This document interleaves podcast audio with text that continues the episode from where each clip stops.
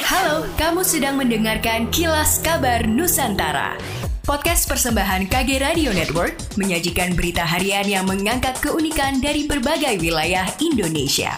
Kilas Kabar Nusantara dapat juga didukung oleh pengiklan loh. Perusahaan di Kota Makassar mengadu ke pemerintah agar pembayaran tunjangan hari raya THR ke karyawannya diangsur atau dicicil.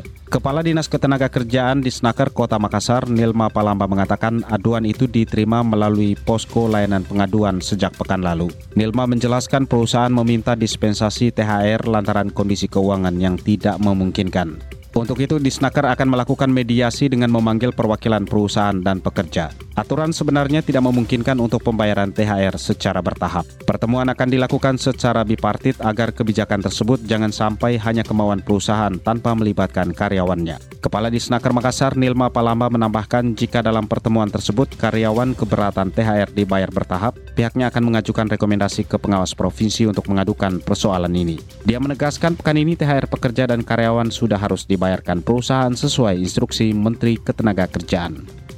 Berdasarkan survei Badan Kebijakan Transportasi Kementerian Perhubungan, tahun ini diprediksi akan terjadi peningkatan jumlah pergerakan masyarakat Jatim yang melakukan perjalanan sebanyak 21,2 juta orang atau meningkat 45,2 persen dari tahun 2022 sejumlah 14,6 juta orang. Hal ini disampaikan oleh Gubernur Jawa Timur Kofifa Indar Parawansa saat Rakor Lintas Sektoral Operasi Ketupat Semeru 2023 di Polda Jatim. Berkaca dari data tersebut, Gubernur juga meminta masyarakat yang melakukan perjalanan mudik menggunakan kendaraan pribadi agar aman dalam berlalu lintas dan berperilaku saat berkendara, termasuk potensi kemacetan di sekitar tempat wisata hingga asesmen objek wisata air seperti arena permainan air maupun objek wisata yang menggunakan air untuk dilakukan audit peralatan agar tidak menimbulkan risiko ketika jumlah wisatawan meningkat saat libur lebaran. Demikianlah kilas kabar Nusantara malam ini.